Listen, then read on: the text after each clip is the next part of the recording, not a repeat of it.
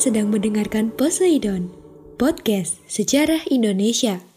Ngomongin masa lalu dengan gaya masa kini.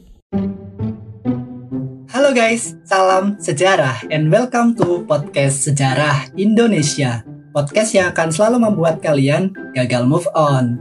Nah, gimana nih kabar kalian hari ini? Semoga tetap sehat selalu ya. Dan jangan lupa tetap bahagia. Tidak lupa saya mengingatkan teman-teman, di mana pun kalian berada, untuk tetap mematuhi protokol kesehatan, seperti menjaga jarak, memakai masker, dan mencuci tangan menggunakan sabun. Hal ini kita lakukan supaya bumi cepat sembuh dan corona pergi dari muka bumi. Kali ini kita akan membahas mengenai kerajaan Islam di Sumatera.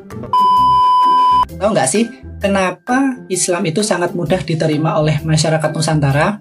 Bahkan sekarang saja Indonesia menjadi negara dengan muslim terbesar di dunia. Salah satu alasannya adalah karena tidak adanya lagi sistem kasta seperti yang terjadi pada agama Hindu dan Buddha yang sudah ada terlebih dahulu. Nah, namun ada alasan lain yang menjadi faktor mengapa Islam mudah diterima, yaitu pertama, ajarannya itu cenderung lebih sederhana. Kemudian yang kedua, syarat untuk masuk ke dalam Islam itu sangat mudah, yaitu dengan mengucapkan dua kalimat syahadat saja. Yang ketiga, yaitu tadi tidak adanya sistem kasta. Jadi semua orang yang memeluk agama Islam setara derajatnya. Yang keempat, yaitu upacara keagamaannya menjadi lebih sederhana. Yang kelima, disebarkan melalui jalur damai tanpa melalui paksaan dan peperangan. Sejak awal kedatangan Islam, Pulau Sumatera termasuk daerah pertama dan terpenting dalam perkembangan agama Islam di Nusantara. Dikatakan demikian, mengingat letak Sumatera sendiri yang strategis dan berhadapan langsung dengan jalur perdagangan dunia, yaitu Selat Malaka. Berdasarkan catatan Tome Paires dalam bukunya Suma Oriental, dikatakan bahwa di Sumatera, terutama di sepanjang pesisir Selat Malaka dan pesisir Sumatera Barat, terdapat banyak kerajaan Islam, baik yang besar maupun yang kecil. Kerajaan-kerajaan tersebut ada yang sedang mengalami pertumbuhan dan ada pula yang sedang mengalami perkembangan. Bahkan ada juga yang mengalami peruntuhan. So, jangan berlama-lama buat kamu yang penasaran mengenai kerajaan-kerajaan Islam di Nusantara. Ini dia pembahasannya. Yang pertama yaitu Kerajaan Perlak. Kesultanan Perlak atau Paraulak adalah kerajaan Islam di Sumatera yang berkuasa atas wilayah Perlak, Aceh Timur, antara tahun 840 sampai 1292 Masehi. Kerajaan ini menempati wilayah dengan posisi yang sangat strategis dalam jalur pelayaran. Tidak heran apabila kemudian ia berkembang menjadi daerah pelabuhan niaga yang maju sejak awal abad ke-8. Kapal-kapal dagang dari Persia, dari Arab, India selalu singgah di pelabuhan ini. Selain melakukan aktivitas perdagangan, pedagang-pedagang dari negeri seberang tersebut juga melakukan syiar Islam dengan cara ceramah maupun jalur perkawinan campuran antara pedagang muslim dengan perempuan setempat. Kerajaan yang selanjutnya yaitu Kerajaan Samudra Pasai. Mendengar kata Samudra Pasai pasti sudah tidak asing lagi lah ya di telinga kalian para pendengar. Ya, walaupun ada yang menyatakan bahwa Kerajaan Perlak itu kerajaan Islam yang pertama kali, namun tidak sedikit orang yang menyatakan bahwa Kerajaan Samudra Pasai merupakan kerajaan yang pertama kali. Kerajaan Islam Samudra Pasai terletak di pantai utara Aceh pada muara Sungai Sangan atau Pasai. Pada muara sungai tersebut terdapat dua kota, yaitu Samudra, agak jauh dari laut, dan Pasai yang merupakan kota di pesisir pantai. Sumber-sumber sejarah yang dapat dipakai untuk mempelajari sejarah Samudra Pasai adalah sebagai berikut. Yang pertama yaitu inskripsi atau tulisan pada nisan makam Sultan Malik As-Saleh. Yang kedua, berita-berita asing dari Marco Polo dan Ibnu Battuta. Dan yang ketiga, hikayat-hikayat Raja Pasai. Kita akan memasuki ke kehidupan politiknya. Kerajaan Samudra Pasai dibangun oleh Marah Silu. Dia berhasil mempersatukan Samudra dan Pasai. Nah, kemudian Marah Silu ini memeluk agama Islam berkat pertemuannya dengan Syekh Ismail, seorang utusan Syarif Mekah. Pada tahun 1285, Marasilu kemudian dinobatkan sebagai sultan dengan gelar Sultan Malik Asaleh. Setelah Sultan Malik As-Saleh wafat pada tahun 1297, jabatan Sultan kemudian diteruskan oleh putranya, yaitu Sultan Malik At-Tahir. Sultan Malik At-Tahir memiliki dua orang putra, yaitu Mahmud dan Malik Al-Mansur. Kedua orang putranya itulah yang kemudian mewarisi tahta kerajaan.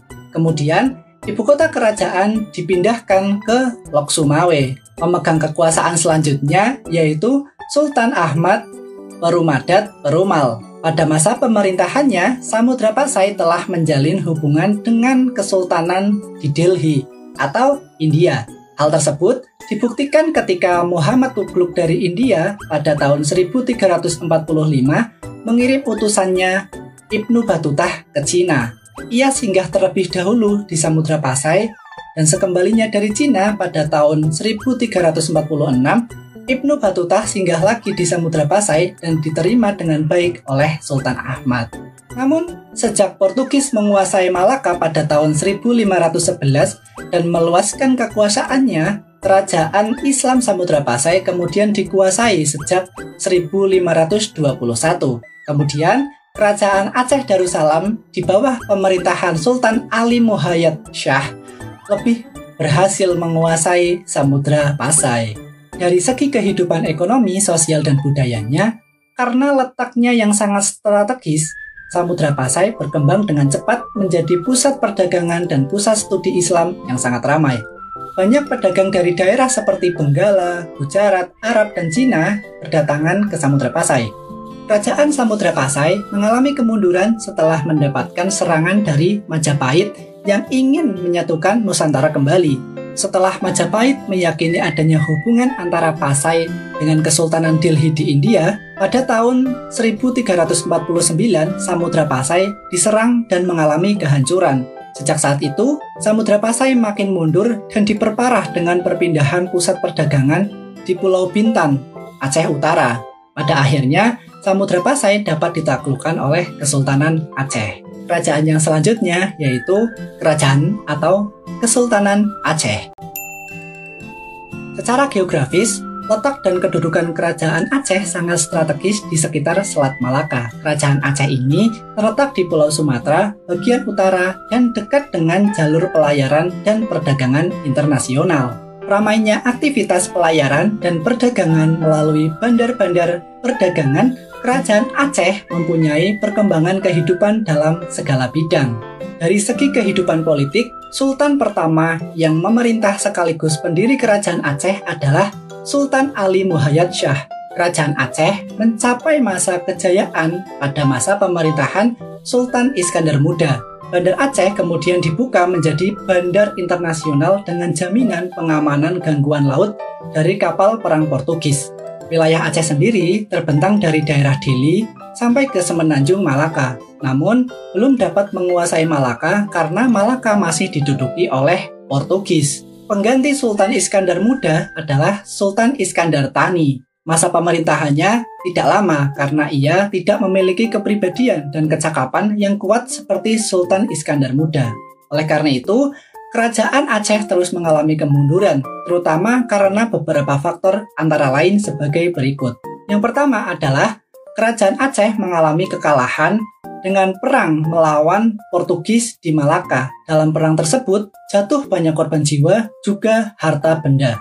Yang kedua, tidak adanya tokoh yang cakap yang memerintah Aceh sepeninggal Sultan Iskandar Muda. Yang ketiga, daerah-daerah taklukan yang jauh dari pemerintahan pusat mulai melepaskan diri dari pengaruh Aceh, antara lain seperti Johor, Perlak, Pahang, Minangkabau, dan Siak.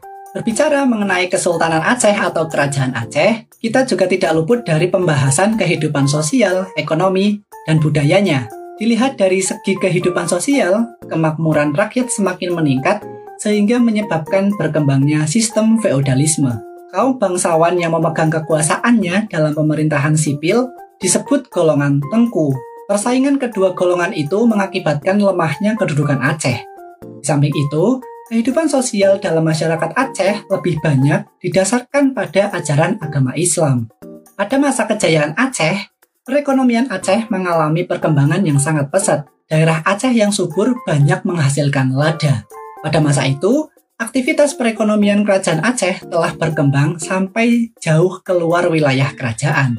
Bahkan, negara-negara barat telah melakukan perdagangan di wilayah Aceh. Kapal-kapal dagang Aceh juga aktif dalam pelayaran dan perdagangan sampai ke wilayah Laut Merah. Aceh juga mengalami kemajuan dalam bidang sosial budaya. Hal ini terlihat dengan disusunnya suatu undang-undang tentang tata pemerintahan yang disebut dengan adat makuta alam. Sastra dan filsafat di Aceh juga mengalami kemajuan. Pada masa itu, muncul nama Hamzah Fansuri, seorang ulama besar yang menjadikan ilmu tasawuf dan mengarang buku tentang filsafat agama Islam dan syiar keagamaan. Ajarannya kemudian diteruskan dan disebarkan oleh muridnya, yaitu Syamsuddin Pasai. Di sisi lain, ada seorang ulama besar yang bernama Nuruddin Ar-Raniri, pengarang buku sejarah Aceh yang sangat menentang dalam ajaran Hamzah Fansuri. Dalam buku sejarah Aceh yang diberi nama Bustanus Salatin atau Taman Segala Raja menguraikan tentang adat istiadat masyarakat Aceh dan ajaran agama Islam. Masuk ke kerajaan selanjutnya, yaitu Kerajaan Malaka. Letak kerajaan Malaka sangat strategis, yaitu berada di semenanjung Malaya dengan ibu kotanya di Malaka. Letak yang sangat strategis itu berpengaruh besar terhadap perkembangan kehidupan pemerintahan, kehidupan ekonomi, sosial, dan budaya masyarakat. Kerajaan Malaka merupakan pusat perdagangan dan penyebaran Islam di Asia Tenggara ketika Kerajaan Malaka mengalami kejayaan pada masa itu. Masuk ke pembahasan kehidupan politik. Raja pertama sekaligus pendiri Kerajaan Malaka yaitu Iskandar Shah. Nah, nama Iskandar Shah ini merupakan nama Islam yang diperoleh setelah ia memeluk agama Islam. Pada masa pemerintahannya, Kerajaan Malaka berkembang sebagai salah satu kerajaan Islam terbesar yang disegani di wilayah Asia Tenggara wilayah kekuasaan Malaka diperluas hingga mencapai wilayah semenanjung Malaka pada masa pemerintahan Muhammad Iskandar Shah. Untuk memajukan perekonomiannya, Muhammad Iskandar Shah berupaya menjadikan Malaka sebagai penguasa tunggal jalur perdagangan di Selat Malaka. Untuk mencapai cita-citanya tersebut, ia harus terlebih dahulu menguasai Samudra Pasai. Muhammad Iskandar Shah memiliki politik perkawinan, yaitu dengan mengawini putri-putri dari Raja Samudra Pasai. Kerajaan Malaka dapat mencapai puncak kejayaan pada masa Sultan Mansur Shah. Pada masa pemerintahannya, Malaka berhasil menjadi pusat perdagangan dan penyebaran agama Islam di Asia Tenggara. Sultan Mansur Shah melanjutkan politik ayahnya dan memperluas wilayah kekuasaannya baik di semenanjung Malaka maupun di wilayah Sumatera Tengah.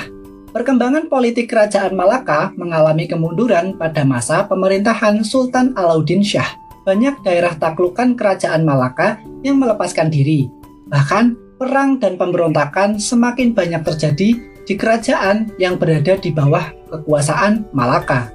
Kerajaan Malaka semakin melemah pada saat Sultan Mahmud Shah memerintah. Daerah kekuasaannya hanya meliputi sebagian kecil dari semenanjung Malaya. Hingga pada akhirnya bangsa Portugis berhasil menduduki Malaka pada tahun 1511 dan akhirnya kekuasaan mereka berakhir. Gimana nih pembahasan kita pada episode kali ini? Cukup menarik bukan? Sebenarnya masih banyak kerajaan atau kesultanan-kesultanan kecil lainnya yang berada di Pulau Sumatera. Namun kita hanya membahas kerajaan-kerajaan yang besar saja, yang secara umum diketahui oleh masyarakat. Nah, itu dia pembahasan kita kali ini. Jangan lupa stay safe, stay healthy, stay happy, and jangan lupa follow akun sosial media kami di podcast underscore sejarah Indonesia. Terima kasih dan sampai jumpa kembali di episode minggu depan. Terima kasih.